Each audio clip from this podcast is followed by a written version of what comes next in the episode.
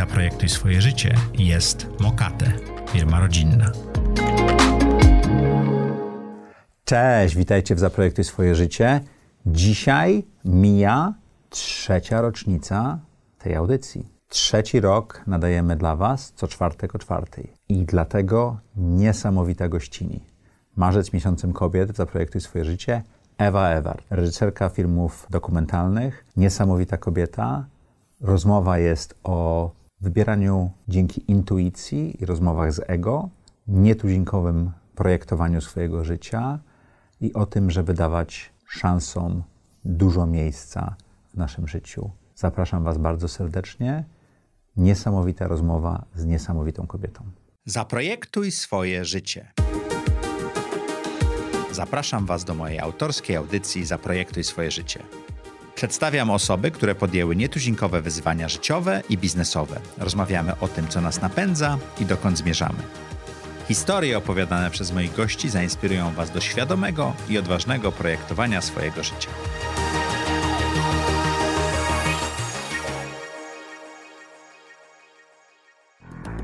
Jeśli poważnie myślisz o projektowaniu swojego życia, czy też zaprojektowaniu swojego wymarzonego biznesu, spotkajmy się. Już 28 maja w hotelu Marriott porozmawiajmy o projektowaniu Twojego biznesu. Od pomysłu, poprzez finansowanie, wzrost i jego sprzedaż. A nawet życie po exicie. Wybitne grono ekspertów, praktyków i przedsiębiorców opowie Ci, jak dobrze zaprojektować i odpalić biznes. Już teraz zapisz się na konferencję Zaprojektuj swój biznes, która odbędzie się 28 maja w Warszawie.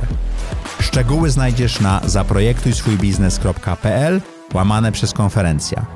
Czekam na Ciebie. Przybijmy piątkę i porozmawiajmy szczerze o Twoim biznesie.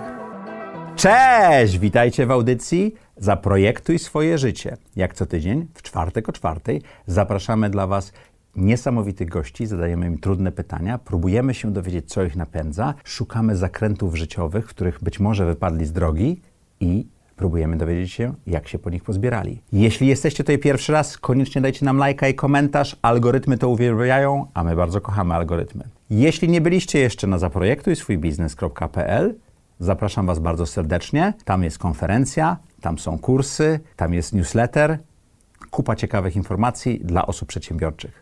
Zapraszam Was bardzo serdecznie. A dzisiejszym gościem jest Ewa Ewart. Dzień dobry. Ja się bardzo cieszę, że udało nam się No, dogadać wreszcie, i zaprosić. Wreszcie, Tak. Trzy razy chyba podchodziliśmy. Tak, No, COVID, ale wiesz, tak, y, dokładnie. sytuacja Ogólna, międzynarodowa, poza, wszy- tak, wszystko, tak, się, wszystko tak. się dzieje. Bardzo się cieszę, że tutaj jesteś, Ewo. Dziękuję za zaproszenie. Tak, my z Ewą współpracujemy nad takim projektem YPO, Tak. gdzie będziemy produkować e, film. Czyli jest relacja kumoterska. Jest słowem. kumoterska, tak musimy Ja mam zrobić full nadzieję, że disclosure. tak, że będę traktowana ulgowo, zwłaszcza w tej kategorii trudnych pytań. Nie, traktujemy nikogo ulgowo, zobaczymy, no nie, no, ale jak, wiesz, zobaczymy no, jak to ja wyjdzie. tylko mogę próbować, Dobrze. a co będzie, no to wiesz. Ewo, pytanie, które zadajemy na początek wszystkim Tak. gościom. Jak do tej pory wyglądało projektowanie twojego życia? Widzisz, zabawa, co jest zabawne, że ja naprawdę nigdy mojego życia, wiesz, nie projektowałam z ołówkiem w ręku. Mhm. Uważam, że wiele rzeczy wspaniałych, które się zadziało w moim życiu, tych mniej wspaniałych, e, a czasami coś, co być może niektórzy mogą, mm, nie wiem, pojmować, postrzegać w kategoriach jakiejś porażki, prawda, czy niepowodzenia, to wszystko się działo przypadkiem. Od właściwie samego początku naprawdę e, moim życiem rządził przypadek. To ten pierwszy przypadek? No i ten pierwszy przypadek, w ogóle jak to się zaczęło, że zostałam, wiesz, że zostałam y, wciśnięta w obszar mediów, zostałam dziennikarką, potem dalej producentką, reżyserką filmów dokumentalnych. To był, to był czysty przypadek, który właściwie wziął się z tego, że ja tak naprawdę nie wiedziałam, co ja będę chciała w życiu robić, a było to na etapie matury, kiedy ja z absolutnym przerażeniem patrzyłam i słuchałam moich kolegów w szkole, koleżanki Którzy mieli wytyczone... którzy już mieli pięciolatkę. Oni już wiedzieli dokładnie, co będą robić, już wszystko było zaplanowane. Kiedy kupią kryształy, prawda, do komody, kiedy pierwszy samochód. Wszystko. A ja z przerażeniem myślałam, Boże, bo ja wiedziałam jedno, ja wiedziałam, czego ja na pewno nie będę robić. A wtedy, wtedy wiedziałam, że na pewno nie dam się wbić w, żaden, e, w żadne zajęcie, które by wymagało ode mnie jakiejś rutyny. Z jednej strony rutyny, która oczywiście by zakładała, nie wiem, pracę w jakimś ścisłym, ścisłym wymiarze czasowym. I ja wiedziałam, że ja tego na pewno nie będę robić. Natomiast w ogóle nie wiedziałam, co ja jeszcze będę robić. I no jedyne co, na szczęście przypomniałam sobie w okolicach matury, że moją pasją są języki obce, że w ogóle chyba mam do tego smykałkę, bo mi dość stosunkowo łatwo przychodzi nauka, przychodziła zawsze języków obcych. I wtedy y, na Uniwersytecie Warszawskim, to był dosłownie, ja byłam drugim naborem, drugi rok, y, otworzył się Wydział Iberystyki język hiszpański, Mhm. ku- kultura, język hiszpański. I pomyślałam sobie, ci, co na przykład też wybrali języki, to szli albo anglistyka, albo ewentualnie romanistyka. A czasami rusystyka. No bo to, tak, a ja tutaj nagle powiedziałam, dobra, ja idę na hiszpański. No, Mhm. Co mówię, nie było oczywistym wyborem. E, Nie, nie, po prostu y, zafas, znaczy tak, ja trochę już na tym etapie liznałam trochę z przekładów literatury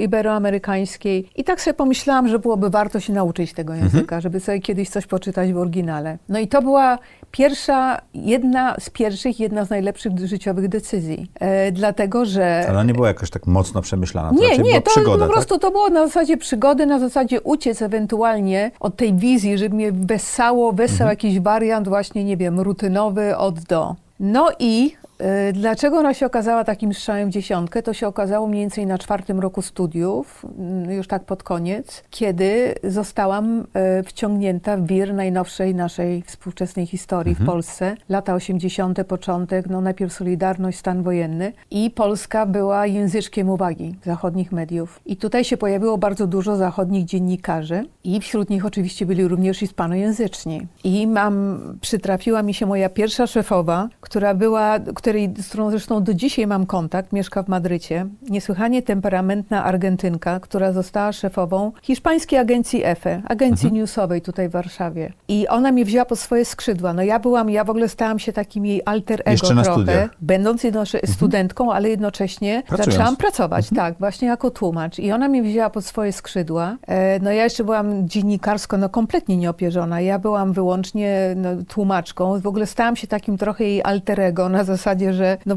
byłyśmy do siebie powiązane, byłyśmy przez 24 godziny na dobę, bo ja nie tylko jej pomagałam zawodowo w tym, prawda, co było wymagane do tego, żeby mogła funkcjonować jako dziennikarz, ale jak się, nie wiem, trzeba było hydraulika, trzeba było do lekarza. nie było Google Translate jeszcze nie w było telefonie. nic. No to wszędzie, że tak powiem, ja także, no, to była osoba, z którą przez jakiś czas spędzałam najwięcej godzin, prawda, Mhm. w ciągu doby. I dlaczego ona była taka ważna w tym moim życiu? I dlatego, że to była osoba, pierwsza osoba, która na tych początkach drogi zawodowej zwyczajnie we mnie uwierzyła Mhm. i dała mi szanse życiowe. To znaczy, rozmawiałam niedawno na temat szklanych sufitów, Mhm. prawda, które się pokonuje przez kolejne etapy kariery zawodowej. A ona mnie przez ten szklany sufit przepchnęła, bo zrobiła z tłumaczki początkującą dziennikarkę. No a potem y, tak się złożyło, że z przyczyn prywatnych wyjechałam z Polski w połowie lat 80. No i można powiedzieć, the rest is history. Dalej to już była historia, bo y, no potem to już było po prostu y, od przypadku do przypadku i od szczęśliwych zbiegów okoliczności do szczęśliwych zbiegów okoliczności. Przeszłam przez najpierw krótki etap londyński, potem było 5 lat w Waszyngtonie, potem były bardzo ważne 3 lata w Moskwie. I to e, było gdzie wszystko z BBC? pracowa- Nie, skąd? Jeszcze nie. No nie, to, było, to była rozbiegówka do BBC, bo Okej. w Sybie, w Moskwie to, była, e- to był etap w ogóle moje początki z telewizją. To, było, to, była, to był CBS, em, jedna z głównych stacji amerykańskich, telewizyjnych. No i z jednej strony to był CBS, a z drugiej strony to był początek lat 90., kiedy sowiecki kolos zaczął się w posadach. I wszystko się działo. I wszystko się działo i po prostu byłaś wtedy w Moskwie. wszystkie ręce na pokład. I ja dostałam e, zaproszenie do pracy do CBS-u w tydzień po tym, jak wylądowałam w tej Moskwie. No i to był, e, to był jeden z najbardziej, znaczy z punktu widzenia dziennikarskiego to była absolutna loteria. To było jak strzelić w totolotka. I ja jeszcze miałam takie szczęście, że uczyłam się tego telewizyjnego dziennikarstwa od najlepszych. No bo wiadomo, wielkie story przysyłali najlepszych z Nowego Jorku, z Londynu. I ja pracowałam jako producent producentka newsów i tak naprawdę no, uczyłam się tego fachu od, od naprawdę absolutnych fachmanów, naprawdę wielkie nazwiska. I to był też etap, kiedy już pod koniec, kiedy już rozwalił się ten Związek Radziecki, odszedł Gorbaczow, przy, przyszedł Jelcyn i rozpoczął się etap, kiedy Rosja zaczęła szukać własnego brandu kapitalizmu. I już to, to polityczne story, takie najbardziej fascynujące, no i ono już powoli przycichało, a teraz tam na pierwszy plan się wysunęły kwestie gospodarcze, prawda, początkowa transformacja i tak dalej, i tak dalej. I to był moment, kiedy mnie już powoli się zaczęły przyjadać newsy. Ja byłam mhm. bardzo zmęczona opowiada, opowiadaniem o tym, że coś się stało. Miałam na to z reguły dwie minuty i nigdy nie było przestrzeni ani czasu, żeby opowiedzieć, dlaczego coś się stało. Żeby głębie pokazać. Dokładnie, żeby Dlatego ja lubię, kontekst. że nasze odcinki są takie długie, Dokładnie. żeby właśnie pokazać głębie. Kontekst. Mhm. No i, i, i tutaj się pojawiła, pojawiła się taka myśl, za, za, zasiałam marzenie, że bardzo bym się chciała nauczyć dłuższych form, dłuższych form, czyli dokumentu. A ja bardzo wierzę w to, że jak swoje marzenia wypuszczasz gdzieś tam w przestrzeń kosmiczną, to one to Wszechświat ci pomaga, autentycznie w to wierzę. No i tak też się zadziało, ale to był też zupełny przypadek. Ja do tego, ponieważ myśląc o tym, że chciałabym się tego dokumentu nauczyć, absolutnie nie myślałam, nie zrobiłam sobie takiego planu, nie zaplanowałam mhm. tego etapu mojego życia. Dobra, uderzę do BBC. Nie, to się stało znowu przypadkiem, że ja pojechałam wyglądał? na wakacje do Londynu z Moskwy okay. i spotkałam mojego przyjaciela, brytyjskiego dziennikarza, którego, y, z którym razem pracowaliśmy jeszcze na etapie Waszyngtonu. No i poszliśmy do do pubu i ja mu wywaliłam wszystkie moje frustracje, że już mam dosyć Moskwy, że już mam dosyć newsów i tak dalej, i tak dalej. On mówi, słuchaj, to fantastycznie. Mówi, bo BBC właśnie otworzyło redakcję dokumentu społeczno-politycznego. A on w ogóle był w BBC, tylko pracował w newsach. I mówi, słuchaj, ty byłabyś dla nich idealna. I napisał mi na kartce papieru nazwisko redaktora naczelnego tego nowego mhm. programu i bezpośredni numer telefonu do niego na biurko. Nie przez sekretarkę. I mówi, jak się spyta, to powiedz, że ode mnie. No i jak już wielokrotnie mówiłam, że następnego dnia weszłam do budki telefonicznej w Londynie, bo jeszcze nie było wtedy nie było telefonów. Komórek. Nie. Wydałam w najlepszy sposób, jak tylko mogłam, 10 centów, 10 mhm. pensów, przepraszam. Mhm. Bo zadzwoniłam do tego pana i z taką chucpą trochę poprosiłam o spotkanie. Podejrzewam, że tutaj tak, po pierwsze był skofundowany, że dzwoni jakaś... Bezpośrednio. Bo, bezpośrednio, ma jakiś śmieszny akcent, no bo niewątpliwie akcent, no mhm. mówi dobrze, ale z akcentem i bezpośrednio się domaga spotkania, więc podejrzewam, że tutaj u tego pana zwyciężyła zwykła ludzka ciekawość, kto to taki. No i rzeczywiście, i się spotkaliśmy następnego dnia, ja przyniosłam moje CV, Thank you. Po czym usiadłam, zaczęłam o sobie opowiadać i powiedzieć, no,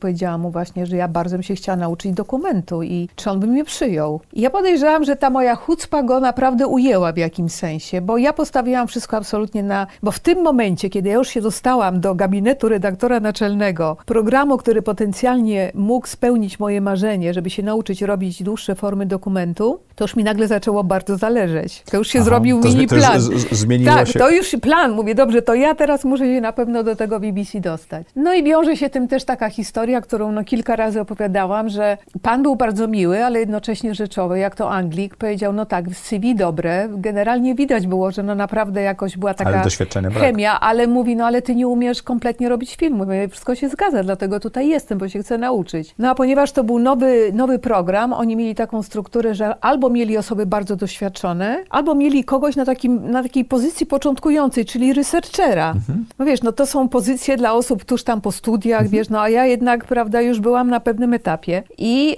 y, zaproponował, ale powiedział tak, mówi, dżentelmeńska umowa będzie, że jeżeli ty się zgodzisz przyjąć tą pozycję researchera, bo ja bym chciał ciebie mieć w ekipie, to ja ci przyrzekam, że będziesz miała warunki stworzone, żeby jak najszybciej dobić do tego poziomu, który ciebie interesuje, że będziesz się uczyć. Czyli musiałaś się cofnąć parę kroków do tyłu. No i, i tu było, ja, po czym tak, powiedział, że kontrakt na rok, bo oczywiście jemu się wszystko podoba, ale oni, BBC to nie jest firma, która kupuje kota w worku. Mhm. I jeszcze mi zaproponował pensję, która była tą pensją researcherską, która była wtedy, no na granicy mi się wydawała przeżycia w Londynie, mhm. zwłaszcza z pozycji tego, co zarabiałam w amerykańskiej telewizji w Moskwie. Więc mhm. szok. No i poprosiłam o dwie godziny do namysłu i pamiętam, że chodziłam sobie sama po Oxford Street. We, we mnie toczyła się no niesłychanie e, gwałtowna debata, głównie między między moim ego i moją intuicją, bo ego absolutnie nie chciało słyszeć A o takich tak. scenariuszach, że jak to ja, pani producentka amerykańskiej telewizji w Moskwie mam być researcherem, a intuicja spokojnie, ale rzeczowo mówi, słuchaj, bierz, bo drugi raz się taka okazja nie trafi. No i na szczęście, ponieważ ja mam dość,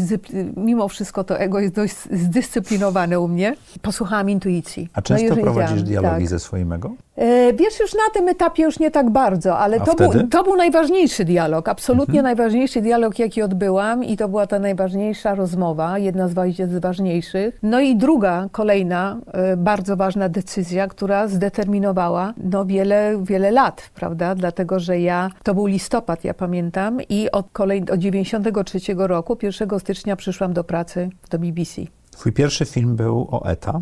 Oj nie, gdzie ETA Nie? to już, co ty mówisz? ETA to był 98 Ósmy. rok, to jest, to ja już miałam kilka filmów za... Okej. Nie, pierwszy mój materiał to był w ogóle nomen omen, wiesz jak rozmawiamy, nawet myślałam sobie o tym filmie. I to był, to był etap, kiedy myśmy mieli taką strukturę w redakcji, program jak gdyby dwutorowo był realizowany. Z jednej strony były takie wypasione dokumenty do godziny, 45 godzina, do których ja jeszcze wtedy na tym etapie nie mogłam robić. I był też magazyn, magazyn reporterów, korespondentów. To były krótsze formy. To były krótsze formy, to była też godzina antenowa, ale były na przykład cztery filmy po 15 minut, po 11, po 9, tam w zależności od tego, prawda, jak to się układało. No i to był moje pierwszy, mój pierwszy duży sukces BBC, dlatego że to się zbiegło z wybuchem wojny czeczeńskiej, pierwszej, jelcyńskiej. I redaktor naczelny do mnie przyszedł i mówi, że chciałbym, żebyś wymyśliła jakiś sposób na opowiedzenie o tej wojnie. I ja trafiłam, pamiętam, e, w weekend e, na brytyjskiej prasie,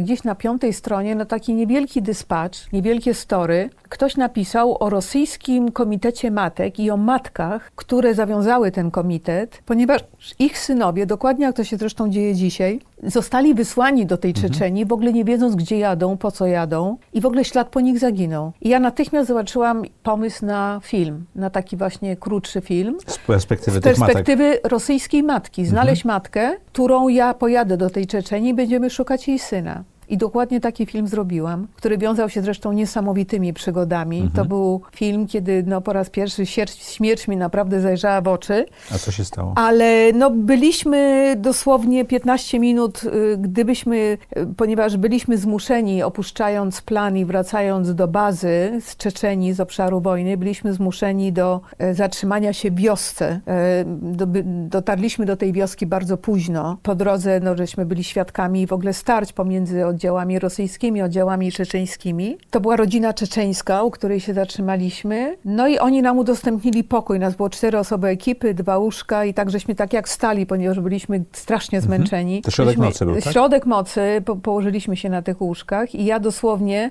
za niecałą godzinę usiadłam po prostu tak, jakbym nigdy do tego łóżka nigdy nie zasnęła i za taką przemożną intuicja, absolutnie jedna myśl, że musimy natychmiast stamtąd wyjeżdżać. I to była intuicja, która do mnie się tak przemówiła. obudziłaś. Tak się obudziłam i po prostu zaczęłam działać trochę jak automat, bo obudziłam ekipę i mówię, słuchajcie, nie ma żadnych demokratycznych decyzji, ja jedziemy, wyjeżdżamy stąd A Jak natychmiast. się na ciebie patrzyli? Nie, no mało, że Zdziwieni. patrzyli, po prostu wiąchy pod moim adresem, jakich nigdy nie usłyszałam w życiu. Ale ja powiedziałam, dobra, wszystko biorę na klatę i jedziemy, wychodzimy, wyjeżdżamy stąd. No i potem już było tak, że tego samego dnia um, przylecieliśmy do Moskwy samochodem i kierowca, który nas odebrał, jechaliśmy w Moskwie, było włączone radio.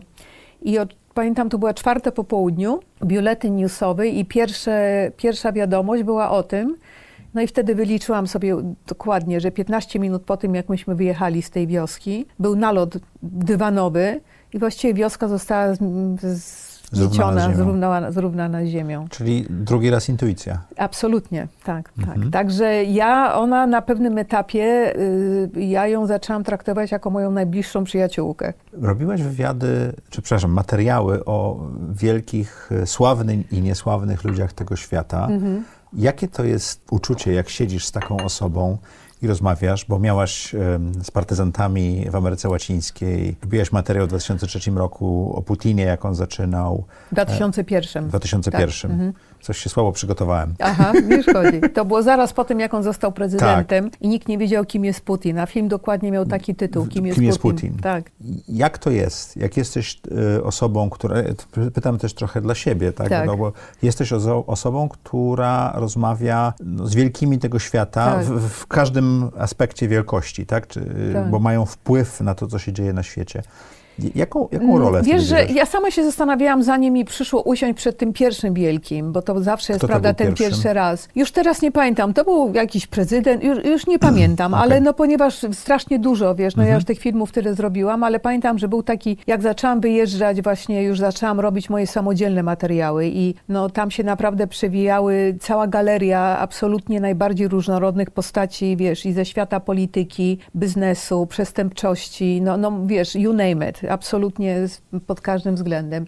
I właśnie pamiętam, jak mi przyszło przeprowadzić taki wywiad właśnie pierwszy i zastanawiałam, jak to będzie. I potem, znaczy jedynym kluczem do tego, żeby na pewno jedna rzecz, której nie można zrobić, to jakoś e, dać się spacyfikować, prawda, tej myśli, mhm. że siadasz przed kimś takim, bo to jest po prostu Nawet drugi nie o sobie, człowiek. Tylko tak. myśli. Nie, to jest po prostu drugi człowiek. Mhm. Najważniejsze jest to, i zresztą no ja, wszystko jedno, czy to jest ktoś sławny, czy niesławny, to jest klucz, z którego ja podchodzę do każdego bohatera w każdym temacie, absolutnie perfekcyjne przygotowanie. To znaczy pozyskanie informacji, ułożenie pytań na bazie absolutnie informacji pozyskanych z przeróżnych źródeł. Mhm. To znaczy znać jego, znać tak, historię danej osoby, znać wszystkie kontrowersje na jego temat, rzeczy dobre, rzeczy złe, prawda, rzeczy, które z których na przykład byłoby mu się głupio tłumaczyć, ale w takiej sytuacji nie ma takiego pytania, którego ja bym nie zadała. I ja traktuję takie osoby oczywiście z należnym szacunkiem, respektem, ale to nie jest tylko wobec osób wielkich tego świata, mhm. tylko wobec każdego. Jak robiłam, y, chyba nawet większym szacunkiem, wiesz, traktowałam y, dzieci Biesłanu, które siadały mhm. przed moją kamerą, niż jakiegokolwiek ministra czy prezydenta, bo uważam, że im się bardziej to należało. Mm, wiesz, na pewno nie, nie dać po sobie poznać, y, a żeby nie dać poznać, to po prostu tak się nie możesz czuć, że jesteś w jakimś stopniu, e, wiesz, no nie wiem, zaczadzona, prawda, majestatem tej postaci mhm. i powagą. Więc wiesz, ja staram się rozmawiać bardzo zawsze merytorycznie, mając przede wszystkim, e, prawda, no, w oparciu o, o, o wiedzę, jaką pozyskałam i bardzo, bardzo rzetelne przygotowanie do takiej rozmowy. A pamiętasz jakąś taką rozmowę najbardziej? Oj, wiesz, tych rozmów, ja ci powiem, wiesz, e, dzisiaj zresztą miałam zajęcia dla studentów, mhm. prowadzę prowadzę takie zajęcia w Kolegium Civitas o y, nauka o świecie właśnie poprzez dokument. I nawet tak właśnie cały czas za mną ten film jeszcze raz chodzi, bo pokazywałam im dzisiaj film Dzieci Wiesłanu. No to jest mhm. film, którego, y, z którego ja jestem chyba najbardziej tutaj znana, też w mhm. Polsce i to jest film, który na pewno w jakiś sposób podzielił moją tak zwaną karierę na przed i po. Film, który najbardziej się przeorał przeze mnie emocjonalnie i który pozostawił największy ślad we mnie. Film, do którego często wracam. Żadne potem rozmowy nie zrobiły na mnie takiego wrażenia, jak rozmowy z tymi dziećmi, które były ofiarą ataku terrorystycznego mhm. w Biesłanie. E, terroryści czeczeńscy, prawda, którzy zaatakowali ich szkołę w, dzień otwarcia nowego roku szkolnego. Nic się na taką rozmowę nie przygotowuje. To był pierwszy jedyny, pierwsza jedyna seria wywiadów, e, gdzie ja absolutnie poległam na polu własnych emocji. Bo z reguły to jest jeszcze, jeszcze wiesz, wyuczona w tej dobrej szkole BBC, że absolutnie bezstronność, perspektywa, odjechanie, nie wolno się angażować i tak dalej. A tu się nie dało? Tu ja po prostu, to, to absolutnie było niemożliwe. Ja byłam byłam, zanim byłam, prawda, profesjonalistką, reżyserem, producentem, no to wszystkim ja musiałam być człowiekiem. Mhm. Ale paradoksalnie to, że ja tak kompletnie poległam na polu tych emocji, to było widać i te dzieci mogły absolutnie widać, widzieć to, to mnie to jakoś uczłowieczyło w ich oczach i ja byłam taka, no jakże tak powiem, nastąpił taki, wytworzył się parytet. Prawdziwa. Prawdziwa, dokładnie. Byłam po prostu prawdziwa. Więc to były absolutnie rozmowy, które najbardziej chyba pamiętam. Bardzo dobrze pamiętam też rozmowy z uciekinierami, byłymi więźniami politycznymi, którym się udało zbiec z Korei Północnej. Mhm którzy opowiadali, co oni tam przeżyli w tych więzieniach, no to też tego było bardzo trudno słuchać. Z politykami rozmawiam jak tylko i wyłącznie muszę. Jak, e, Ale politycy tak. są niesamowicie e, nauczeni, jak rozmawiać, no prawda? No tak, bo po pierwsze, naprawdę mm. rzadko się zdarza, żeby ci powiedział coś, co wychodzi poza, prawda, wyuczone formułki. Mhm.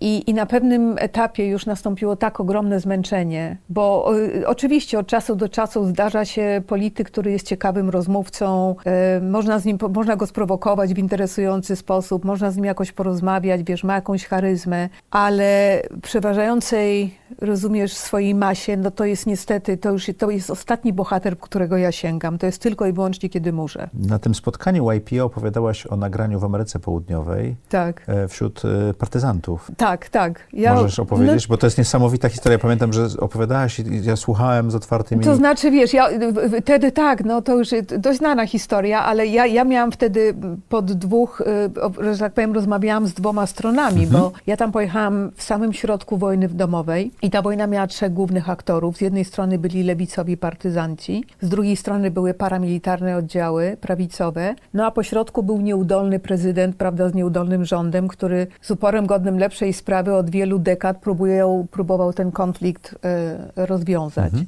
No i wiadomo było, to był absolutnie mój plan A, którego ja nie zrezygnowałam do tego stopnia, że nawet odmówiłam mm, stworzenia sobie jakiegoś planu B, gdyby, mhm. gdyby plan A się nie udał, bo ja byłam absolutnie zdeterminowana, żeby mm, ten film zrobić w ten sposób, że musi w tym filmie wypowiedzieć się każdy z głównych aktorów, czyli z jednej wszystkie strony... Trzy strony. Tak, wszystkie trzy strony. No i, i tak też się stało i udało mi się dotrzeć z jednej strony do, do Farku, mhm. właśnie do tych prawi, lewicowych partyzantów. Mm, przy dużej pomocy tutaj ścieżki ogromnie y, przetarł mój asystent, którego wysłałam na Fort Poczty właśnie na południe kraju, bo, bo to była ich domena. Mhm. Oni funkcjonowali na południu, na północy to byli właśnie paramilitarni, a w samym środku to był ten rząd i prezydent. I no tam myśmy spędzili prawie no, kilka dni, cztery czy pięć dni z nimi. No ale największym, największym, no więc to było oczywiście też bardzo ciekawe, e, aczkolwiek oni próbowali stawiać warunki, z których ja mm, no, bardzo szybko im dałam do zrozumienia, że ja w taki sposób mhm. nie pracuję, że albo bez warunków, albo po prostu nie wystąpią w filmie, a z drugiej strony pokusa była mm, zbyt wielka, żeby dlatego nie wystąpić. nie wystąpić, no bo to była dla nich szansa, żeby mhm. przede wszystkim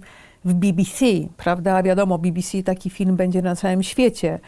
Tutaj zresztą na marginesie mała dygresja, muszę powiedzieć, no, że na pewno to, że ja jeździłam po świecie z tą wizytówką BBC i byłam w jakimś sensie no, ich reprezentantem, no to otwierało właściwie drzwi mhm. niemożliwe. Więc na tej zasadzie też się zadziało, że... Bycie niezależnym twórcą jest trudniejsze. Tak, dokładnie. Mhm. O, nie, nieporównywalnie. Także, także się absolutnie decyzja ostateczna i, i umowa została zawarta na moich warunkach, mhm. czyli bez ich warunków. No a z drugiej strony największym moim skupem w tej filmie no, to na pewno było spotkanie z szefem tych oddziałów paramilitarnych, który absolutnie z nikim nie, nie rozmawiał przez poprzednich 20 lat. A mnie no, determinacją i takim po prostu mrówczym, mrówczym działaniem udało się ten kontakt zdobyć, udało się tam pojechać. To też się wiązało z niesamowitymi przygodami, mm, łącznie z tym, że to był taki drugi, e, bliskie spotkania trzeciego stopnia, bo leciliśmy tam Czy, do niego. E, tak? tak, leciliśmy helikopterem, który o mały włos się nie rozbił, no ale widocznie to jeszcze nie był ten moment. I to był właśnie, to był znakomity przykład na to, jak wiele, e, i to naprawdę był bardzo dobry wywiad, ale dlaczego on był taki dobry?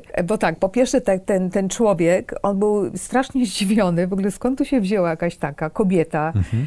no kompletnie, prawda, bez żadnego strachu zgodziła się, przeleciała ten kankołomny lot do tej dżungli, przyleciała do niego, ale potem usiadła i Bo zaczęła... Odbierali gdzieś tam... Gdzie odbierali w, mnie w top polu. Secret, tak, tak, top secret, tak, w polu, jakimś helikopterem. No i przysz, przyjechała, jest tutaj, mało tego, rozmawia płynnym hiszpańskim, jak usiadłam do tego wywiadu, ja wiedziałam o nim wszystko. Ja miałam cztery strony pytań e, rozpisanych, e, absolutnie ze wszystkich możliwych źródeł. Rozmawiałam z osobami, które jeszcze mogły mi to w jakiś sposób, ten, ten, tą, tą jego sylwetkę, jego historię pogłębić. I jego to kompletnie zaskoczyło po prostu poziom mojej wiedzy na jego temat, poziom wiedzy na, na to, na, na, temat stanowiska, jak oni w tym, jakie w tym konflikcie reprezentują i tak dalej. I to, że myśmy mogli bezpośrednio tą rozmowę prowadzić, e, no to, to zaskoczenie przełożyło się na niesłychanie szczere odpowiedzi z jego strony. I to, że ja go otworzyłam na takim bardzo osobistym poziomie. Także to było fantastyczne. Niesamowite nagranie. Tak. Tworząc e, poważne filmy dokumentalne, nie takie drobiazgi jak w naszej audycji, montaż jest jedną z najważniejszych No to rzeczy. jest porodówka, jak ja mówię. To jest tam, Porodówka. tak, to Tam jest, się tworzy film, Tam tak? się tworzy film, wiesz, to jest, wiesz, film, no tak mówiąc, powiedzmy dla osób, które, e, które prawda, nie mają specjalnego pojęcia, ile pracy wchodzi ile pracy stoi za filmem, który oni w efekcie końcowym oglądając, siedząc na wygodnej kanapie, no to jest niesłychanie żmudny proces, raz, e, czasochłonny, no to jest minimum w zależności od tematu, od czy temat jest skomplikowany, czy wymaga długich, dalekich podróży, prawda, to jest minimum 4, 5, 6 miesięcy, a były E, filmowanie. filmy, filmo, znaczy nie, w ogóle tworzenia Mhm. całego filmu. No i są trzy, że tak powiem, bardzo wyraziste, zasadnicze etapy. Mhm. To jest ten wstępny etap research i development, czyli ten rozwój, prawda, Mhm. idei. Potem jest produkcja, czyli to jest etap tam, gdzie się tworzy już ten film, po, po, pozyskuje materiał zdjęciowy. No i ten najważniejszy etap to jest postprodukcja. Zjeżdżasz do bazy i zaczynasz z tym materiałem pracować, e, z,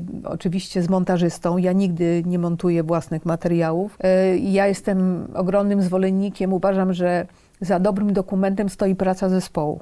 To jest praca ludzi, wielu talentów, wysiłku, poświęcenia, zaangażowania ludzi, z których każdy na danym etapie reprezentuje i jest tą najważniejszą osobą. No załóżmy na etapie developmentu, rozwinięcia idei, prawda, wymyślenia scenariusza to jestem ja. W produkcji ja jestem drugorzędna, najważniejszy jest mój operator. I najważniejsze dla mnie jest to, żeby mu stworzyć maksymalnie dobre warunki, żeby tą I on swoją często pracę... zobaczy rzeczy, których ty nie zobaczysz w tym momencie. Dokładnie, otóż to. E, A na, z kolei w postprodukcji dla mnie najważniejszą osobą jest mój montażysta. Mhm. Ja koło niego siedzę, oczywiście ja wspomagam tą kierownicę, ale on jest, ja jestem pasażerką. E, I to jest fascynujące. To jest no, oczywiście etap, który ja kocham, prawda, zabawa z tym materiałem. Okazuje się, że tam pomysły, które miałaś na planie, wymyślałaś sobie już, a tam z tego właśnie stworzę sekwencję, która będzie otwierała film. Okazuje się, że ta sekwencja nie dość, że nie otwiera filmu, na przykład w ogóle ląduje na podłodze w montażu i w ogóle nie wchodzi do filmu. Więc to jest etap, gdzie sama siebie zaskakujesz rozwiązaniami, które się nie pojawiły na wcześniejszym etapie. Zaskakujesz się tym, że decyzje, do których byłaś tak kompletnie przyklejona i zdeterminowana, że one będą realizowane na etapie postprodukcji, kompletnie e, od nich odjeżdżasz, e,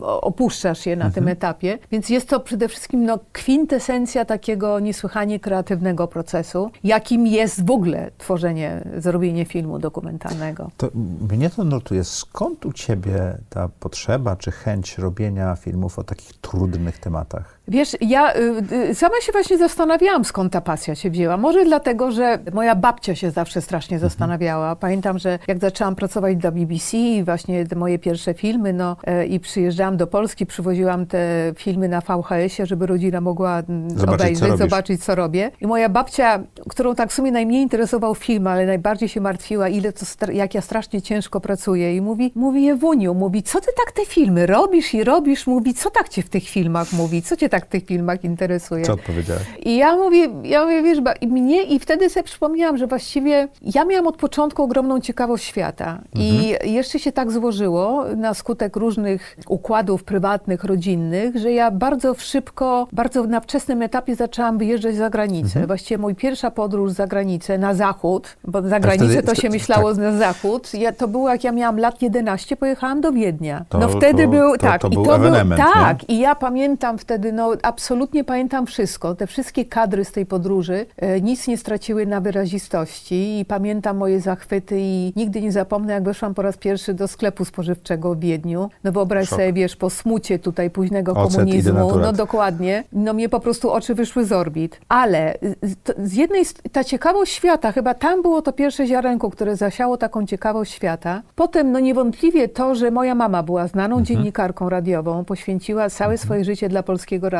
Mój ojczym był dziennikarzem i ja y, pamiętam, że w domu no było takie niesłychanie, powiedziałabym, bardzo specyficzne środowisko, którym ja byłam otoczona. Takich właśnie niesłychanie ciekawych ludzi, e, no takiej intelektualnej warszawskiej śmietanki tamtego okresu, można powiedzieć. I, e, I to na pewno też, słuchając, no ja prawda z wypiekami na twarzy siedziałam głównie pod stołem, chociaż mama mnie tam ganiała z tych przyjęć, ale ja zawsze gdzieś tam się wcisnęłam. nasłuchiwałaś, I tak? nasłuchiwałam. E, To wszystko to, to były takie po kolei, no a potem, no wiesz, potem to, że ja na etapie studiów wybrałam iberystykę. Jeszcze na drugim roku pojechałam, udało mi się zdobyć stypendium e, zagraniczne w Madrycie. Pojechałam na rok na Teraz stypendium mamy program na Erasmus i to jest takie normalne. Wtedy No to, by, nie, no wtedy wtedy, to, to, był, była walka, to był tak. ewe, ewenement, gdzie tam Erasmusy, wiesz. I, i to, to, to, to były takie etapy, które coraz bardziej tą ciekawość, e, przede wszystkim coraz więcej szans miałam poznawania tego świata, bardziej może niż jakieś może moja... I on zaskakiwał. E, Tak, i on coraz bardziej zaskakiwał i, i coraz bardziej pojawiała się chęć drążenia tego. Mhm. I potem no, Moskwa, i to już był ten ostatni etap, kiedy ja z, z etapu, prawda, kiedy nastąpił, nas, nastąpił przesyt tymi przekazami, przekazami newsowymi, ale ja wiedziałam, że ja w dalszym ciągu chciałabym o tym świecie opowiadać, tylko już inaczej, z innej perspektywy. No, no a potem już jak... ten kontekst. Tak, tak, a, a potem, prawda, no już jak y, udało mi się wejść, jak ja zawsze mówię, bocznymi drzwiami do BBC, bo to nie była typowa kariera, wiesz, tam do BBC przychodzą po Cambridge, po Oxfordzie, tak zwani, wiesz, na training i potem dopiero z nich, prawda, jest odsiew i A tak nie dalej. dziewczyna z Polski. A nie dziewczyna migrantka, rozumiesz, Mhm. z Polski, która, wiesz, zadzwoniła do pana naczelnego bezpośrednio do niego na biurko. No więc y, i, i to, no to już wtedy po prostu nie miałam wyjścia. No ale, Ale to, ta chucpa trochę pomogła w tym Pomogła momencie. a, a, ogromnie, Mhm. absolutnie, absolutnie. Także ta, ta ciekawość świata, no, on, no dokładnie ona mniej więcej się w ten sposób rodziła. Co było największym wyzwaniem w twojej karierze? Wiesz, tych wyzwań nie ma największych czy najmniejszych. Te wyzwania są po prostu. Okej. E, wiesz, w BBC bardzo szybko zdałam sobie, uświadomiłam sobie bardzo szybko, w tym, że w tym niesłychanie konkurencyjnym środowisku, to był bardzo szybko ten program, do którego ja dobiłam, stał się niesłychanie elitarnym programem. E, To było tak, że czasami tam nas, no, lubili nas szefowie straszyć, że wiesz, jak nie, to na To nasze miejsce, jest- tak, jest 15 innych, które stoją już w kolejce. Więc to był niesłychanie elitarny program. I kiedy już pokonałam to największe wyzwanie, jakim było w ogóle dobicie do tego programu, potem udowodnienie, że warto mi dać kontrakt Że po tym większy roku się- po tym roku, że, że no, tak też się stało, że udało mi się przebić, jak to ja mówię, ten kolejny szklany sufit w wielkim stylu i udało mi się pozyskać, nie tylko dostałam awans, dokładnie tak jak się mówiłam z redaktorem naczelnym, że zostałam już wypasioną reżyserką i producentką, ale dostałam stały angaż do BBC, no więc to było, pokonałam kolejne mega wyzwanie i właściwie no, można było powiedzieć, no dobrze, to ja w takim razie już teraz osiądę na laurach. A, a, nie. Potem największym wyzwaniem i takim właściwie największym stałym wyzwaniem, bardziej bym to określiła, była, była jakaś y, praca pod, w swoistym, swoistym stresie, który Okej. powodował, że mm, no, miałaś tą świadomość, że załóżmy, dostaję temat, który położyłam z jakichś, z jakichś powodów, a wiesz, powodów dlatego, że dany film mógłby się nie udać, mogło być 150, na którymi ja na przykład nie miałam żadnej kontroli, bez względu jak dobrze byłabym przygotowana, największej pracy czy chęci, żeby film dobrze zrobić. Czasami się zwyczajnie nie udawało. I gdybym ja wróciła, prawda, z, y, y, nie starczyła na tarczy z planu i okazało się, że nie mam dobrego filmu, że w tych materiałach, które ze sobą przywiozłam, nie ma dobrego filmu, to rozumiesz tłumaczenie przed moją szefową, no dobra, ten jest niedobry, taki sobie, albo się nie udał, ale ja bym chciała przypomnieć, że te moje poprzednie dwa to były bardzo dobre i nawet nagrodę zdobyły. Tak nie działa. To tak nie działa, bo byśmy mieli takie powiedzenie, że you are as good as your last film. Mhm. Jesteś na tyle dobra, na ile, jest twój, na, na ile okazał się dobry twój projekt. No więc wiesz... Więc to- to był ciągły stres, tak, prawda? to był taki, że tak powiem, nieustający stres, którym się pracowało, y, stan napięcia, prawda, wysoki poziom adrenaliny, różnie to można nazwać, ale w jakimś sensie mnie to kręciło, wiesz, to był niesłychanie, to się przekładało na taki no niesłychanie dynamiczny proces, właśnie dynamiczną pracę, gdzie się bez przerwy z czymś tam boksowałaś. E, Ja nigdy nie traktowałam tego, prawda, jako coś, co muszę przyjąć z pełnym dobrodziejstwem inwentarza. To był mój świadomy wybór, że właśnie to będę robiła i wiedziałam, że z tym się wiąże taki, a nie inny sposób pracy. A co się stało, że zdecydowałaś się być niezależna? Kiedy powiedziałam stop, basta. No właśnie, wiesz, to były, były też różne etapy. To już mówimy, to już wiesz, i jesteśmy na etapie, kiedy ja naprawdę pracowałam w tym BBC sporo lat i zorientowałam się, po prostu zobaczyłam, że to już jest zupełnie inna firma niż ta, do której ja dobiłam. A miałam to szczęście, że ja dołączyłam na etapie złotego wieku dla dokumentu, zwłaszcza dla tego dokumentu Current Affairs, tego, prawda, prawda, opowiadającym o współczesnym świecie. E, myśmy byli takim Beniaminkiem w ogóle w oczach managementu, wszystkich najwyższych bossów i e, byliśmy dopieszczani, naprawdę środki były na Budżety to, żeby były- realizować, budżety były takie wypasione, no można było naprawdę się popisać. No i oczywiście potem z czasem to się zaczęło zmieniać z bardzo różnych powodów i był moment, kiedy ja sobie powiedziałam, okej, mnie już wystarczy. Przypomniała mi się tutaj przy okazji... Wystarczy czego? Mnie już wystarczy, wiesz, tego, nie wiem, kolejnego filmu, który zdobędzie jeszcze kolejne cztery Okej. nagrody i, i wiesz, będę, wiesz, i, i w dalszym ciągu będę, wiesz, tkwiła w tym trybie A tego wystarczy to bardzo stanu... ważne słowo, nie? Tak, i, i tutaj mi się całkiem niedawno przeczytałam niesamowitą historyjkę. Jak ją przeczytałam, powiedziałam sobie, wow, jakie to jest mocne. Opisuje ją pan w takiej książce poświęconej finansom. No i pisze, te, y, y, przywołuje y, historyjkę, która wydarzyła się, przyjęcie. Rzecz się dzieje w świecie wielkich finansów. Jest przyjęcie, przyjęcie wydaje niesłychanie bajecznie zamożny, bajecznie bogaty menedżer jakiegoś funduszu y, finansowego. I na tym przyjęciu jest dwóch mężczyzn, dwóch facetów, którzy rozmawiają. Jeden z nich jest bardzo poczytnym, wziętym autorem y, powieści, książek. No, a drugi jest y, jakimś tam, prawda, elitarnym gościem, który też został zaproszony na to przyjęcie dla VIP-ów. No i ten mówi do tego pisarza, mówi, wiesz, a ten, ten nasz gość, nasz gospodarz, to on w ciągu jednego dnia zarobił więcej pieniędzy niż ty w ciągu całej swojej kariery jako autor książek i ze sprzedaży wszystkich książek do tej pory. A ten się na niego spojrzał i powiedział, mówi, wiesz, ale ja mam coś, czego on nigdy nie będzie miał. Ja mam to poczucie, że to, co mam, to mi wystarczy. I have enough, tak? I have enough. No. I to jest, wiesz, bo ten prawdopodobnie menedżer tego funduszu finansowego, on ciągle, on musi, on ciągle musi to pomnażać, a ten powiedział, ja, mnie wystarczy. I to było, oczywiście, ja tą, o tej historyjce przeczytałam niedawno, a decyzję odejścia od BBC podjęłam znacznie wcześniej, więc nie, nie miałam, że tak powiem, to nie była jakaś filozofia, która mi zapadła w głowie i, i którą się potem kierowałam przy podejmowaniu tej decyzji. Nie. Intuicja, znowu, powiedziała, że jeżeli jest moment na zmiany, to to jest właśnie dobry moment. A ten moment zadział się znowu przypadkiem. Dlaczego przypadkiem? Bo niejaki Jan Kowalski, zresztą on się tak naprawdę nazywał. Nie, Robert Kowalski się chyba nazywał. Przepraszam, jeżeli mylę. I by się tak zdarzyło, że ten pan akurat będzie oglądał nasz program, ale on nawet nie wie, jak się, Jak jaką, był, jaką był kluczową postacią w moim życiu. Bo to był, pamiętam dokładnie, to był 2008 rok, styczeń. Ja siedziałam w BBC biurze, w bardzo jakimś minorowym nastroju, jakoś tak mi się dziwnie, nie najlepiej ten rok zaczął. I dzwoni telefon, komórka i właśnie mówi, że dzwoni Kowalski i że on pracuje dla takiego programu w Polsce, to się nazywa Dzień Dobry TVN i to jest taki właśnie program, telewizja śniadaniowa i że on e, właśnie ma zrealizować dla nich serię programu pod tytułem e, Sukcesy Polaków za granicą. No i to już był oczywiście etap Google'a i on gdzieś tam znalazł mnie w tym Google'u, no i wyszło mu na to, że ja jestem takim Polakiem sukcesu za granicą i mm, poprosił, żeby zrobić film, prawda, że chciałby o mnie program zrobić. A ja powiedziałam, że dziękuję, że jestem w ogóle niezainteresowana, ponieważ byłam w bardzo złym humorze. No i e, rozłączyliśmy się, po czym rozmawiałam z moją mamą parę godzin później i takiej o tym telefon, o tej rozmowie opowiedziałam, a mama mówi, ojej, jak szkoda, byłoby tak fajnie, dobry program.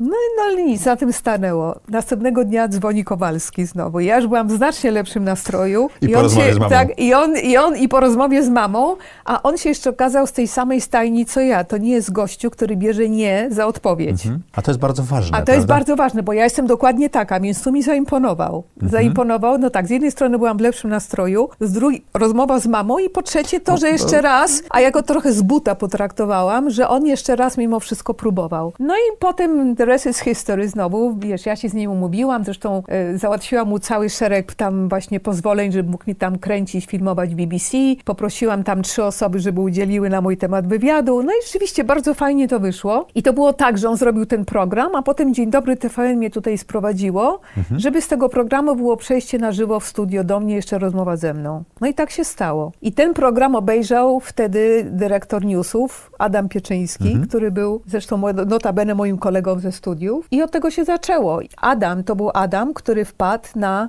pomysł, mówi, słuchaj, zróbmy festiwal twoich filmów, bo myśmy się spotkali. My się mhm. czasami tam od czasu do czasu, właściwie straciliśmy w dużej mierze kontakt po moim wyjeździe, ale tam od czasu do czasu, jak ja wpadałam do Polski, to żeśmy się na siebie natykali. I on zaproponował, żeby, y, że TVN zakupi pakiet moich filmów i zorganizujemy taki pokaz moich filmów w, BBC, y, w TVN-ie. Ja mówię, wiesz co, jak, pewnie, bardzo chętnie, bardzo proszę. Byłam zaskoczona propozycją, mile i jeszcze się przyłożyłam oczywiście, że bardzo aktywnie tam, prawda, promo, e, holowałam, prawda, pozyskanie tych wszystkich licencji, umów, BBC i tak dalej. No i było dla mnie ogromną radością reakcja polskiego odbiorcy, tutaj widzów Bo naszych, te Polaków. nie były tak znane w Polsce. Nie, w ogóle nie były no. znane, no. może jakimiś tam wyjątkami, że one spotkały się z tak niesłychanie ciepłym przyjęciem. I mhm. zastanawiałam się, skąd taki entuzjazm, no bo tak, z jednej strony, dobrze, skromność na bok, to było dobre filmy. Ja mhm. wybrałam 12 takich najlepszych, mhm. do których jestem i emocjonalnie przywiązana i, i którymi, no, warto było się, jeżeli już się chwalić, to właśnie tymi filmami. Polska ma znakomitych dokumentalistów. Polski dokument jest świetny, no więc wiesz, no tutaj niby dlaczego. Ale potem, jak się przyjrzałam temu repertuarowi, zobaczyłam ten repertuar, który myśmy zaproponowali mhm. to, to były widzom, mocne filmy. To, był, to Idealnie się te filmy wbiły w lukę. Tutaj nie było czegoś takiego jak dokument społeczno-polityczny. Mhm. To był gatunek w sumie najmniej znany, mhm. prawda? Bo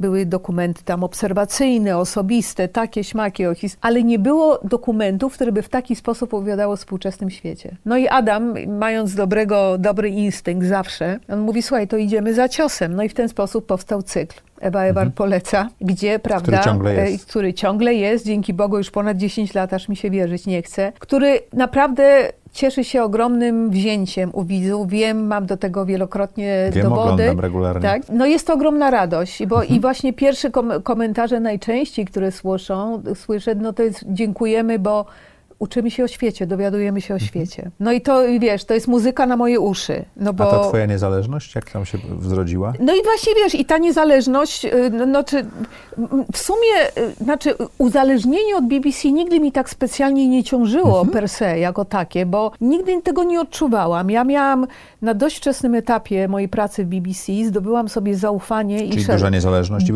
Zaufanie ze strony szefów, wobec czego zawsze mi dawano, miałam na, byłam na bardzo długiej smyczy. Mhm. Nigdy mnie nie kontrolowano merytorycznie, nigdy nie miałam żadnych wskazówek, żadnych mhm. zaleceń. To było cudowne i to był niesłychanie taki motywacyjny kop też, żeby po prostu no, robić jak najlepsze filmy. Także ja nigdy nie miałam, nigdy mi nikt nad głową, że tak powiem, nie brzęczał, nikt nie dmuchał za szyją, co powinnam, mhm. czego nie powinnam. E, I to nie była kwestia niezależności, to była kwestia już w ogóle w jakim kierunku ten program nasz zaczął iść. To już było, tak jak ci powiedziałam wcześniej, to było zupełnie inne BBC, o trochę innym przekazie te nasze programy i że ja po prostu już intuicja powiedziała mi, to jest moment na kolejną zmianę, żeby po prostu już na tym etapie zacząć robić coś, co już naprawdę będzie moją, że ja będę w takiej sytuacji, że na przykład będą do mnie spływać propozycje, albo ja będę musiała, albo ja wymyślę jakiś temat, prawda? I jeżeli chodzi o propozycje, to ja się im przyjrzę i mhm. albo będzie mi odpowiadać propozycja, albo nie. Ale już nie będzie czegoś takiego, że ja muszę, bo BBC bez względu na, prawda, ja musiałam przyjąć temat. Jak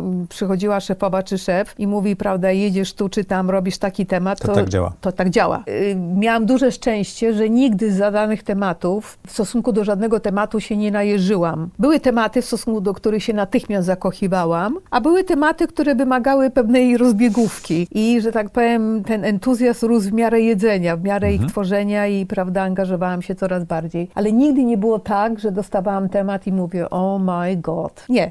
E, więc, e, więc wiesz, i, i potem no to właśnie nastąpił ten cudowny etap, kiedy ja zaczęłam dostawać propozycje i mm, prawda, je albo przyjmowałam, albo nie. No niewątpliwie najmniej zdecydowanym minusem, gdybym miała porównywać prawda, dwa scenariusze, bycie częścią e, wielkiej organizacji. wielkiej organizacji, prawda, medialnej korporacji, czy bycie freelancerem, to są na pewno kwestie finansowe, aspekty finansowe, mhm. bo ja żeby realizując y, prawda, jakąś własną ideę, no to najwięcej energii, wysiłków i frustracji związanych z pozyskaniem środków. Coś, czego ja nigdy nie musiałam robić, bo była Bo- idea bo- bo i natychmiast dostawałam budżet. Więc to była, to jest szkoła życia. A ile kosztuje zrobienie filmu Słuchaj, dokumentalnego? to też zależy od filmu, wiesz, Mhm. wiesz, no na pewno dokumenty są znacznie tańsze niż fabuła, to Mhm. nie ulega wątpliwości. E, Wiesz, no te, te, y, te, te, te, te budżety się też zmieniały, no ale, ale powiedzmy, no mówiąc o, to też zależy naprawdę od tematu. Czy to jest jakiś niesłychanie czasochłonny, który wymaga wielu, prawda, nakładów finansowych, podróże, prawda, czy to robisz tylko w jednym miejscu, czy podróżujesz, czy jest to jakiś dokument śledczy, który też się wiąże z kosztami. No ale to, słuchaj, no nie zrobisz dobrego dokumentu, powiedzmy w takim stylu, w jakim ja robię, no to jest, no, to jest minimum kilkaset tysięcy złotych, wiesz, jeszcze w dzisiejszych warunkach, w dzisiejszym świecie. No bo jak już robisz, to robić dobrze, wiesz, no ja nie, nie zrobię dokumentu, gdzie ja będę jednocześnie operatorem, montażystą, śpiewać, wiesz, deklamować i zamiatać, mieć, muzykę mieć i tak dalej, dużo dokładnie. innych rzeczy, dokładnie. ekipę. Rozmawialiśmy o tym w, Tak, tak, tak. w YPO, Tak. jak robiliśmy i tam rzeczywiście jest od kilkuset tysięcy złotych No do, do prawie miliona. absolutnie, Tak? tak, tak, to dokładnie. za- zależy od, dokładnie. e, Zależy zasięgu- od, od, od, roz, od zasięgu, od rozpiętości, od tematu. Właśnie Mhm. tak jak mówisz, wiesz, od podróży, tak. Czego boi się Ewa Ewart? Nie boję się niczego. Oj, Naprawdę. Nie no, i to ja, ja się nie kryguję. Wiesz, y, po prostu już były takie momenty i takie testy, że no, no, no czego ja mam się, czego ja bym się mogła bać? Teoretycznie najbardziej się boimy śmierci, prawda? Przemijania. albo bólu. Albo bólu. No może powiedzmy najmniej to no, po prostu obawiałabym się jakiegoś bólu, nad którym bym nie mogła zapanować, ale akurat tak się złożyło, że rozmawiamy w przededniu premiery mojej kolejnej książki, e, która będzie, która została stworzona na bazie podcastów. To były podcasty, które ja zrobiłam w ramach Onetu. Do tego projektu zapro, zaprosiła mnie moja koleżanka z TVN-u, Małgosia Jopek, która zadzwoniła dokładnie mniej więcej w tym czasie zeszłego roku i mówi, słuchaj, mam taki pomysł, zróbmy serię podcastów o śmierci, o przemijaniu pod tytułem Rozmowy ze śmiercią. I zaproponowała, to była jej idea, że to będzie na bazie, prawda, rozmów ze znanymi ludźmi i spojrzenie na, ten, na, na tą kwestię przemijania z różnych perspektyw. I ja pamiętam, słuchałam jej, zanim ona tak naprawdę dokończyła przedstawiać mi ten projekt, ja powiedziałam natychmiast robimy, gocha, ja w to wchodzę. Znowu intuicja mi powiedziała, mówi, to trzeba. No bo wiesz, dlaczego? Bo wydaje mi się, że to jest coś, czego boimy się najbardziej. Śmierć, przemijanie, ten moment odejścia. Ta propozycja, ten pomysł się pojawił na etapie, kiedy wszyscy byliśmy niesłychanie W znużeni w środku pandemii i to jest dokładnie ten moment, kiedy ta śmierć wielu z nas, wielu, dla wielu z nas weszła nam do przedpokoju. Nigdy tak blisko i w takiej skali o tą śmierć nie otarliśmy. A z drugiej strony jest to naturalny etap, wiesz, życie należy do śmierci. Wiesz, no on jest tym, wiesz, to, to, jest, to jest właściciel naszego życia, śmierć. Ona przyjdzie dla każdego, prawda? Tylko nigdy nie wiadomo co, w którym momencie jest ta, prawda, ten moment przejścia pisany. I nie mamy na to wpływu. I nie mamy na to żadnego wpływu. I tak mnie ten, ten, ten projekt zafascynował, bo to była seria rozmów no, naprawdę z fascynującymi ludźmi, którzy opowiadali o tej śmierci, prawda, z pozycji filozoficznych, ezoterycznych, naukowych, leka, lekarskich, powiedziałabym medycznych. E, e, No jeden z bardziej poruszających odcinków e, z prezesami, dwóch prezesów, jedna prezeska i prezes hospicjum dla śmiertelnie chorych dzieci. Czego się uczymy o śmierci od dzieci, które za chwilą umrą, czyli e, ta śmierć wywraca jakiś kolejny, usta- ustanowiony porządek odchodzenia. Bardzo trudno jest się pogodzić, że dzieci odchodzą no już najbardziej rodzicami. oczywiście przed rodzicami. No dla mnie to była y, nieprawdopodobne doświadczenie, właśnie też na, dlatego, że to tak uderzyło w ogóle trochę w prywatne nuty, odgrzebało pewne bolesne wspomnienia y, przy odcinku z, dotyczącego samo, samobójstw, ale jednocześnie to był, y, to był projekt, który mi uświadomił, że we mnie nie ma lęku przed przemijaniem, Okej. że ja jestem kompletnie z tym poukładana, Czyli zmierzyłaś się z tematem, który tak, zmierzyłam, ale, ale że t- ten, to, to zmierzenie się z tym tematem jak gdyby potwierdziło coś, co zrodziło się ten brak, brak lęków wcześniej, Mhm. poprzez to, że trzykrotnie stanęłam w obliczu. Stanęłam, ja właściwie poczułam ten oddech śmierci y, na plecach. No, na pewno w tym helikopterze, który się miał prawie, że za chwilę rozbić. I w tej e, W wiosce tej- czeczeńskiej. I w tej wiosce czeczeńskiej, więc e, tak, ja, ja jestem jestem bardzo, ja jestem bardzo oswojona z tą myślą, e, a poza tym no, bardzo, bardzo się podpisuję pod niektórymi teoriami, że, że no zresztą bardzo się podpisuje to, co powiedziała autorka całej serii o Harry, e, Harry Potterze, że tak naprawdę śmierć mm, i to przejście na drugą stronę, no to jest, wiesz, next best, best adventure, że po prostu to jest tak, że któregoś dnia po prostu się przebudzimy, obudzimy się i będziemy w jakimś innym wymiarze, w innej scenerii i okaże się, że, y, że prawda, zamiast jakichś, nie wiem, czeluści piekielnych, prawda, czy nicości, czy ciemności, okaże się, że tam jest jakiś, nie wiem, nowy, wspaniały świat, o czym, no między innymi w odcinku nam opowiada pani, która trzykrotnie przeżyła kliniczną śmierć. Bardzo ciekawe mm, opowieści i, i teorie właśnie z, też poruszone przez moich gości w odcinku, gdzie traktuje ten temat przemijania z pozycji takich no, religijnych, prawda, Buddy, że to tak naprawdę mamy niesłychanie dużą kontrolę, gdzie tak naprawdę po tej śmierci się znajdziemy, że każdy ma, każdy może sobie wymyśleć i zainscenizować to własne niebo. No ja uważam, że to jest piękne, bo to dokładnie odbiera ci ten cały potencjalny strach. On się staje nagle takim papierowym tygrysem. To co będzie napisane? Jakie będziesz miał epitafium? Co ja- No, co, co, co, co będzie napisane na twoim... Jeszcze nie myślałam o tym. Okej. Znaczy ja ci powiem jedno. Wiem, że chciałabym jakoś tak po cichu stąd wyjść, właśnie bocznymi drzwiami. Bez tupania? Bez tupania, bez żadnych, wiesz, bez orkiestry dętej, na pewno, wiesz, żadnych pogrzebów, żadnych grobów. I jedyne, co, co chciała pozostawić, kilka dobrych wspomnień po sobie. No, i zostaną no filmy. niesa- niesamowitą, wiesz... No i, i biblioteczkę, filmów, która tak? ktoś będzie, ja na przykład w mojej pracy jako dokumentalistka uwielbiam pracować z archiwaliami, Mhm. z materiałami archiwalnymi. Mają one te materiały, a jeszcze, a jeszcze lepiej jak te materiały są w ogóle czarno-białe, to Mhm. uwielbiam czarno-białe archiwa. I e, one mają bardzo szczególną energię. No w ogóle dla mnie oglądanie tych obrazków, wiesz, coś, co zostało zapisane na taśmie filmowej kilkadziesiąt lat temu, fascynacja. Ja mam tym nieustającą fascynację. No i tak sobie wyobrażam, że jeżeli w ogóle jeszcze, wiesz, y, będzie po moim odejściu ten świat istniał, no to ogromnie mnie cieszy, prawda, że, że ktoś być może kiedyś tam będzie sięgał po moje filmy jako właśnie materiał archiwalny, a jeszcze fajniej, gdyby na przykład coś mu się im z tego filmu przydało i wykorzystał w swoich archi- w swoim projekcie, tak jak ja wykorzystuję czasami w filmach moich e, archiwalne zdjęcia, prawda, kolegów, którzy byli przede mną. No więc właściwie wię- większych wymagań nie mam. Kilka dobrych wspomnień i dobre filmy.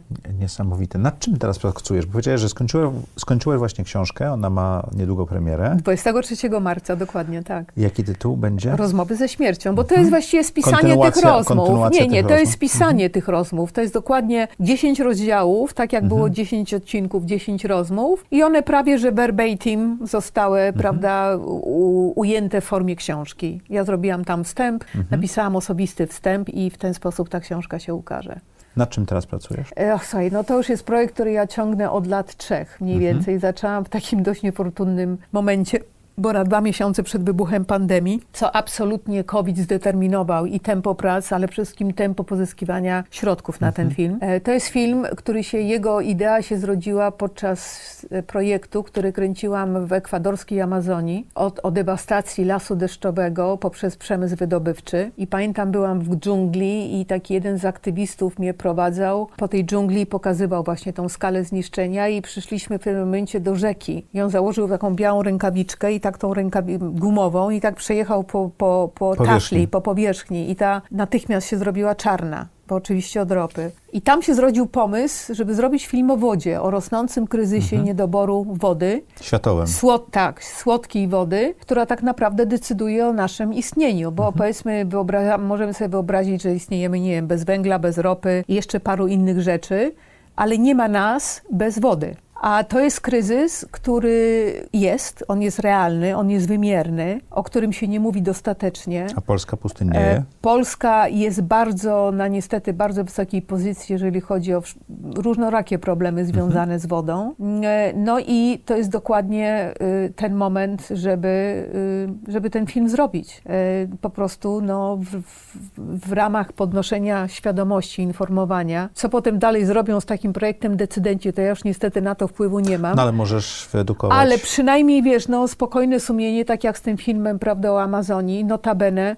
Dopiero co na dniach, y, co oczywiście no, w scenariuszach, w których obecnie się znaleźliśmy, czyli tego ogromnego kryzysu związanego z Ukrainą, to nikt się nawet nie pochyli nad tą informacją, ale ja z racji tego, że ponad dwa lata byłam z tym tematem dewastacji Amazonii, dosłownie cztery dni temu ten, y, y, ukazał się ten raport, który bardzo jasno i wyraźnie stwierdza, że lasy Amazonii osiągnęły punkt krytyczny tak. i że Amazonia jest na dobrej drodze, żeby się przekształcić w sawanę, po prostu w to pustynię. Punkt, którego nie da się cofnąć. To już jest punkt, to znaczy, to już nie to, czy my zatrzymamy, czy my do końca zniszczymy, to już jest pewne, że my zniszczymy. Mhm. No więc, y, nie wiem, trochę mi to dało takiego też takiej motywacji do tego, żeby spróbować jeszcze raz ten film, żeby ten przekaz tego filmu mojego z Ekwadoru, żeby on jeszcze raz jakoś zaistniał mocniej, prawda, tej przestrzeni publicznej. I wiesz, i to są y, po prostu nieustannie, nieustannie już od bardzo, bardzo wielu lat, nieustannie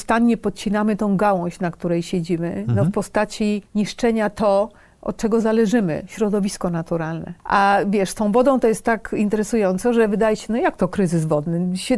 7, ponad 70% wody na powierzchni Ziemi, a my mówimy o braku wody. No tak, tylko że ktoś, kto się tym nie interesuje pod kątem, że to jednak jest problem, nie wie, że z tych 70% tak naprawdę woda, od której my zależymy, czyli świeża, czysta woda, to jest poniżej 1%, mhm. bo to jest woda, którą pozyskujemy z rzek i z jezior. A rzeki i jeziora w tych tych 70 paru procentach to jest poniżej procenta. No więc jest to problem, ale, ale bardzo trudno przebić się do świadomości ludzi, bo ja po prostu widzę, z jakimi ja się reakcjami spotykam. Ja już po prostu jestem traktowana na zasadzie takiego komara, który brzęczy koło uszu. Ja czytam i... w tej chwili niesamowitą książkę pod tytułem Ministerstwo Przyszłości. Nie wiem, czy czytałaś, nie. jak nie, to polecam. Aha. To jest taka futurystyczna książka, trochę science fiction, trochę ten. 100 lat do przodu, co się dzieje, jak, jak zmienia się, jak fale tak. gorące zabijają ludność, co się dzieje z polityką, tak. co się dzieje z armiami. No, tam jest bardzo dużo o wodzie. O wodzie, no właśnie. No, no ale, ale wiesz, to, to jest bad news, ale good news jest taki, dla mnie przynajmniej, że wreszcie po tych blisko trzech latach, bo to już jest trzeci rok, kiedy się z tym zmagam, no już zobaczyłam bardzo jasne światełko w tunelu tunelu i wszystko jeżeli wskazuje... Chodzi o producentów? O, jeżeli chodzi o, o, po prostu możliwości finansowe, mhm i już no, jestem na takim etapie, że jestem w stanie rozpocząć wstępne prace nad tym Wiesz, Słucha nas dużo prezesów i właścicieli firm. To pytanie, pytanie do ciebie. Co trzeba zrobić, żeby z tobą e, koprodukować To znaczy, ten ja, znaczy, no, wszystkim najlepiej to się ze mną skontaktować. Mhm. Bardzo prosto mnie znaleźć. Mam własną stronę internetową, tam są wszystkie dane kontaktowe i ja jestem jak najbardziej otwarta na rozmowę, a jeszcze bardziej na konkretne propozycje. Ale jestem również realistką, mhm. e, no bo wiesz, to jest te moje zmagania, jeżeli chodzi o pozyskanie tych środków, no to jest tak jak, wiesz, wykres chorego człowieka na serce. Wiesz, w ten góra sposób. Dół, góra, dół, góra dół. To jest tak. przedsiębiorczość, nie? To jednego tak. dnia jest pięknie, drugiego tak. dnia jest nie, źle. Więc ja już, tak, ja już się przyzwyczaiłam. E, mam, absolutnie zachowuję stoicki spokój i po prostu robię dalej swoje. Czyli przesz do przodu. Tak. A co ci mówi intuicja na temat tego filmu? Że się absolutnie będzie i będzie bardzo dobry. Okej. Okay. A u ciebie intuicja jest bardzo ważną tak. rzeczą. Tak. Ewo, dochodzimy do tego momentu, o którym cię uprzedzałem. Trudne pytania, Trudne ojej. pytania. No dobra, niech będzie. Czy możesz opisać najlepszą decyzję twojego życia? No, y, no więc wiesz, rozmawialiśmy, powiedziałam, trzy co najmniej ci mhm. wymieniłam. Nie ma jednej. Wydaje mi się, że to była sekwencja bardzo dobrych decyzji.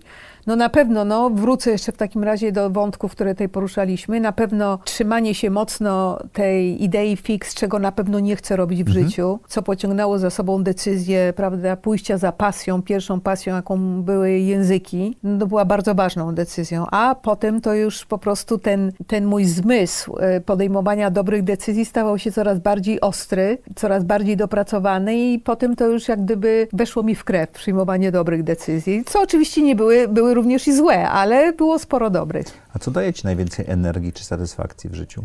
W różnych momentach tą energię pozyskuję z różnych, e, różnymi sposobami, z różnych źródeł. Na pewno dla mnie ogromną taką motywacją, która się przekłada na energię, jest poczucie zrobienia czegoś, co służy w większości. Mhm. Czyli no, w moim wypadku wypuszczenie jakiegoś filmu, dobrego filmu, z którym, który widz zapamięta, z którym się będzie identyfikował, którego, który powie mu o czymś, o czym nie wiedział, do którego będzie miał jakiś emocjonalny stosunek, prawda? Coś, co, co zapadnie mu w pamięć. A jeszcze bardziej film, który na przykład przełoży się na jakieś konkretne efekty i z tego popłynie jakieś dobro, prawda? W większym kontekście. Jak wygląda twój typowy dzień? Nie ma typowego dnia. To a propos tego- ale to propos jest tak, i to jest właśnie, ale wiesz, to, to jest z kolei konsekwencja mojego uporu, że nie dam się wbić w jakieś ramy czasowe, w rutynę, nie będę robiła od do. Nie ma dnia typowego. Wszystko zależy od etapów. Jeżeli wiesz, robię film, e, to są dni, ty powiedzmy, wiesz, to mm, dni typowe mają, są trzy grupy dni typowych. Jest, Tak jak są, trzy grupy. Po, po, Dokładnie. Dni typowe, prawda, na etapie researchu, developmentu. Potem są dni typowe, które w sumie nie ma typowych, bo każdy jest inny, jak jesteś na planie i to jest fascynujące. No takie najbardziej typowe i uporządkowane to są na tym etapie postprodukcji, montażu, no bo wtedy siedzisz po prostu bardzo wiele godzin żmudnych i pracowitych e, w montażówce. Wchodzisz, ja z reguły wchodzę, nie wiem, po ósmej rano, wychodzę siódma wieczór i cały czas jestem z jednym Takim- zam... takim a la na- na stu- na Absolutnie. stugodzinnym ciągiem? Absolutnie, tak, tak. Okej. No to to jest powiedzmy typowy dzień, najbardziej typowy, jaki mogę sobie wyobrazić na etapie postprodukcji. Okej. Czy jest coś, co mogłabyś przestać teraz robić, co poprawiłoby twoje samopoczucie? Ech, co bym mogła przestać robić? Tak, nosić maseczkę Okej. w zamkniętych pomieszczeniach. Na Dobrze. szczęście już zostały tylko pomieszczenia zamknięte. Czyli y, pandemia zmęczyła. Tak, A zmęczyła czego mnie. nauczyła cię pandemia? Ogromnej cierpliwości. Coś, Mhm. z czym mi bardzo, jeżeli jest jaka cecha, na którą nieustannie muszę wciąż pracować, to jest pielęgnowanie cierpliwości. Mhm. I na pewno pandemia mnie nauczyła ogromnej e, dozy prawda, cierpliwości. Nauczyła mnie też właściwej proporcji sprzeciwu wobec tego, co nieuchronne. Jeszcze bardziej jak gdyby wyostrzyła bo ja już się tego wcześniej uczyłam. Takiego powiedziałabym, no takiej rezygnacji, bo, bo, bo, inaczej, bo inaczej nie można, inaczej się nie da. Jakieś też pewnie, e, prawda, mm, ustawiania priorytetów zapewne Mhm. też. Dużo czasu było na rozmyślania, na wszelkiego rodzaju refleksje I podczas spojrzenie tego. na swoje życie Tak, z innej perspektywy. Jaką masz supermoc? Jaką mam supermoc? Mhm. Nie, nie biorę nigdy nie za odpowiedź na wielu Mhm. płaszczyznach. Na pewno upór, determinacja są takimi mocnymi, są poważnym elementem mojej mocy. E, Łatwo się nie podłamuję, aczkolwiek co, no nie będę również krować się, prawda, na superwoman. Też potrafi mi to i owo z czasami skrzydła podciąć, ale one jakoś tak, nie wiem, się natychmiast zasklepiają i odradzają. To te trzy rzeczy Tak. to tak jakby trochę wytrwałość w dążeniu do celu. Chyba tak. Mhm. Mhm. Tak, że ja się łatwo nie poddaję. Jak tworzysz swój wewnętrzny krąg? Te osoby, które są najbliżej ciebie i najbardziej na ciebie Mhm. wpływają i tworzą ciebie w pewnym sensie. E, wiesz, to, znaczy oczywiście są osoby, znaczy myślę, że osoby, które są w naszym życiu, dzielą się na dwie zasadnicze grupy. Są osoby, które idą z tobą niemalże przez całe życie, prawda? Albo są osoby, które się pojawiają na pewnym etapie, są z tobą przez jakiś czas, potem z tego życia odchodzą, bo nie wiem, ich rola, czy, czy po prostu znajomość się w sposób naturalny wypłukała, Jest to to... takie słowo papuczci, tak? Tak, to- to nie- po, po drodze, tak? Tak, to nie, musi, to nie musi być, prawda, nie musi się z tym wiązać jakiś dramat zrywania stosunków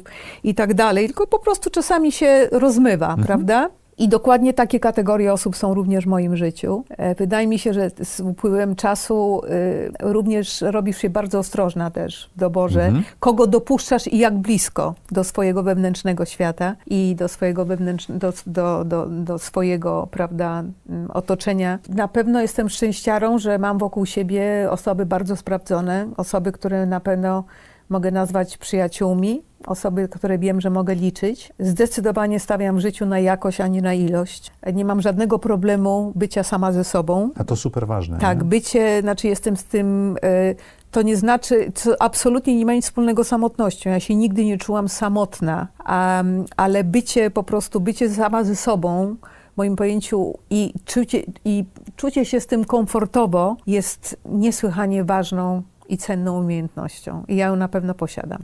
Trzy rzeczy, które chciałabyś robić za trzy lata to? Oj, za trzy lata co ja będę. Myślę, że mam jeszcze jakiś taki jeden pomysł na jeden bardzo dobry film, o którym nie mogę, nie, w tej chwili na pewno nie będę mówić. Mhm. No niestety wydaje mi się, że to będzie zdeterminowane tym, jak się będą rozwijały też obecne scenariusze. Ale, ale wiesz, ja jak ci powiedziałam już na wstępie, ja nie jestem z tych, co planuje na pięć lat do przodu. Okej, czyli A poza tym ja będzie jestem... się działo, co się będzie działo, tak? Dokładnie. Ja jestem również taką osobą, która lubi zostawić w swoim życiu miejsce na magię, żeby się zadziało magicznie. Mhm. To jest ważne. Tak. No i dokładnie tak. Także na razie planuję do końca miesiąca. co będę robić. A jesteśmy w połowie miesiąca, także Tak. nie za daleko. Książka która? Nie, książki dwie były, bo pierwszą napisałam, została wydana w 2015 roku. To była o moich filmach. Przede wszystkim wreszcie miałam tą przestrzeń, żeby napisać to wszystko, co się dzieje po drugiej stronie kamery, czyli jak dochodzi do realizacji takich filmów i miałam szansę opowiedzenia o wszystkich przygodach, jakie towarzyszyły. I rzeczy, których nie widać w tych I filmach. rzeczy, których nie widać. No a ta druga książka zupełnie niechcący zaistniała, ym, bo odezwała się dokładnie do mnie szefowa tego samego wydawnictwa, które wydało moją pierwszą książkę. Po tym, jak usłyszała pierwsze podcasty, które jej się ogromnie spodobały i natychmiast wyczuła nosem, że to jest dobry dobry sposób, żeby z tego stworzyć dobry pomysł na książkę. Ale póki co na razie nie mam, nie mam pomysłu na kolejną. Ewo, co chciałabyś, żeby słuchacze i widzowie audycji Zaprojektuj swoje życie zapamiętali z tej rozmowy? Przede wszystkim, jeżeli czegoś bym sobie życzyła, to że spędzili, no, że, że i w jakimś sensie spędzili kawałek ciekawego czasu i że może w pewnych e, aspektach, w tym co mówiłam, odnaleźli kawałek siebie, coś im przyniosło to, co mówiłam, potwierdziło jakieś ich własne prawda, dla nich ważne rzeczy. Jestem otwarta na wszelkiego rodzaju komentarze. Dobrze? Znaczy mam nadzieję, znaczy jeżeli co, no to po prostu, że po, do końca po wysłuchaniu tej rozmowy, że dojdą do wniosku, że to może nie był do końca stracony czas. Pewno, dla mnie z pewnością nie był, myślę, że dla, dla naszych słuchaczy też nie. Dziękuję Tobie, Dziękuję bardzo. dziękuję Wam i jak co tydzień w czwartek o czwartej zapraszamy do audycji Zaprojektuj swoje życie.